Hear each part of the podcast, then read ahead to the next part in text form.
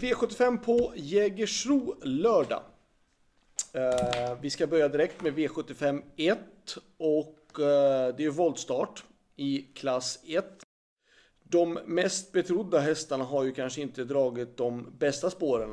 Eh, men jag kan tycka att det här loppet är lite svårt att lösa med tanke på att spets är ju väldigt värt, värt väldigt mycket i alla fall på Jägersro.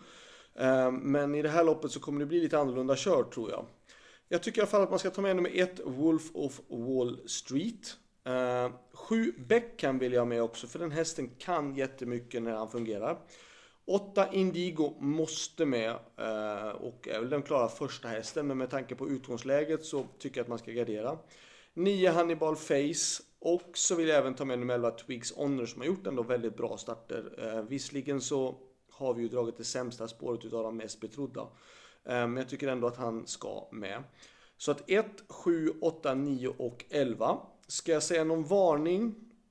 Då tycker jag alltid att det är intressant att Thomas Uberg har springspår på en häst och ett stenhjul. Jag kan tycka att nummer 6 Black Mission är intressant i sådana fall.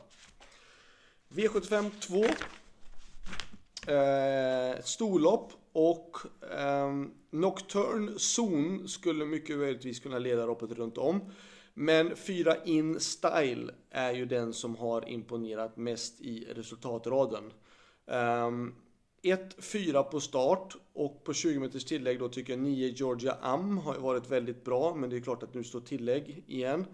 Ehm, och då från 40 meters tillägg då nummer 13 Alhambra Mail. Så att 1-4 skulle kunna gå väldigt kort om ni vill i det här loppet med bara 1-4. Men vill jag mena mer då så är det nu 9 och 13. Eh, varningen, då säger jag då den här nummer 7, Everest Laser. Eh, står det här att den ska gå första gången barfota runt om, helsänkt huvudlag och ryckhuva. Jag kan tycka att det är stora intressanta ändringar och att den sen har springspår gör det hela klart bara mer intressant. V75 3, spik på nummer 1, Haran Boko. Eh, jag tror att han spetsar och han har gjort väldigt bra lopp på slutet. Ehm, visst, det kan ju hända att någon försöker komma åt vinnarhållet i det här loppet. Typ att det blir en körning i det hela.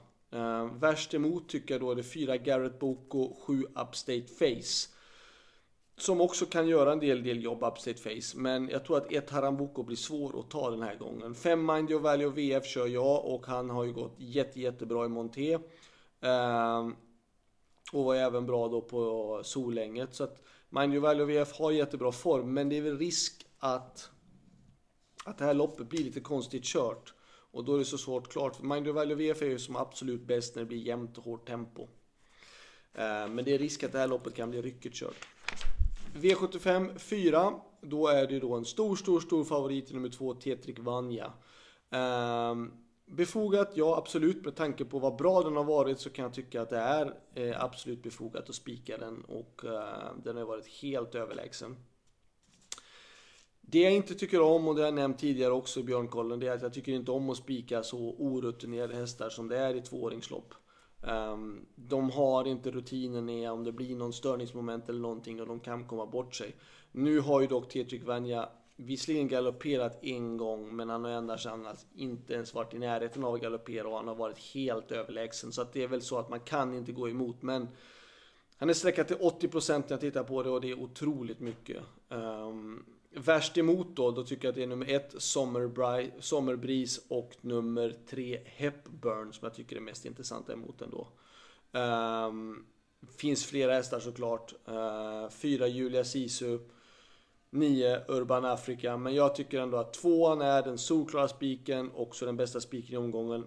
Men varnar då för 1 och 3. V75 5. Um, 1600 meter bil i den låga klassen och då... De här hästarna har ju varit jättebra men de är olika höga hastigheter än så länge.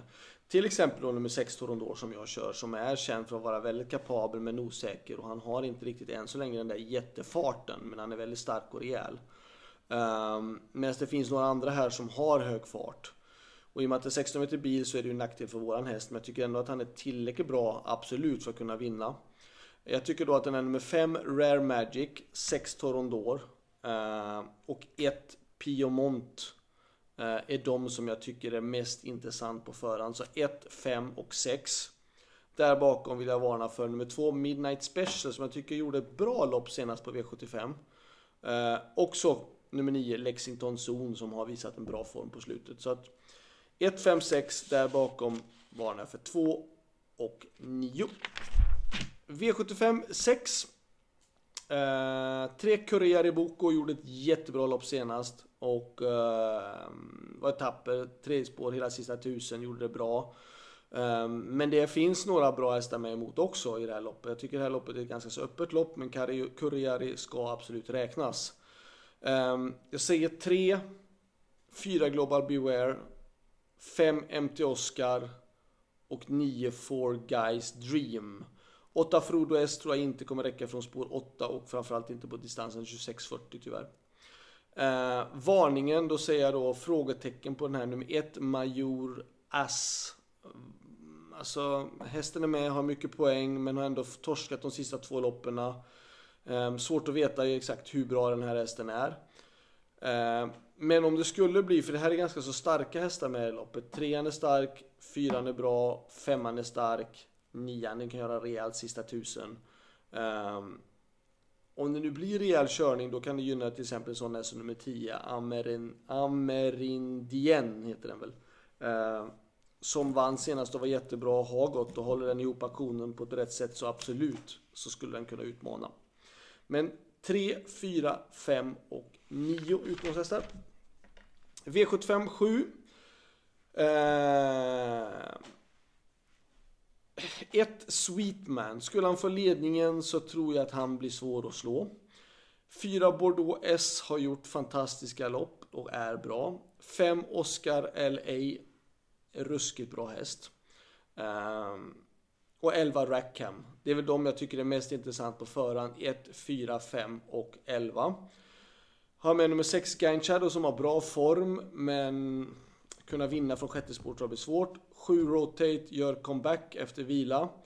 Eh, känns bra men jag tror inte att han har toppformen än så länge och att kunna slå dem från sjunde spår. Jag tror att det blir att det kommer försöka hitta ner någonstans, hitta ryggar och göra en bra sista 600 metrarna. Um, Rotate kan alltid vinna eh, V75 men från spår 7 och i en comeback direkt så tror jag att det kommer bli svårt. Varningen för mig i loppet då är det i sådana fall nummer 12 Emoji. Emoji är inte alls lika mycket betrodd den här gången på grund av att han haft ett dåligt spår nu och på grund av att han också har förlorat två gånger i rad på V75 som är lite hårt betrodd. Eh, men man ska ändå inte ta bort en häst som är grundkapabel ehm, och jag, alltså, jag tycker man ska passa upp för det Emoji i sådana fall i avdelning 7. Slutsummering, bästa spiken. Ja, alltså det är svårt att gå emot en häst som har varit så jäkla bra som han har varit. I fjärde avdelningen nummer två, Titrick Vanja.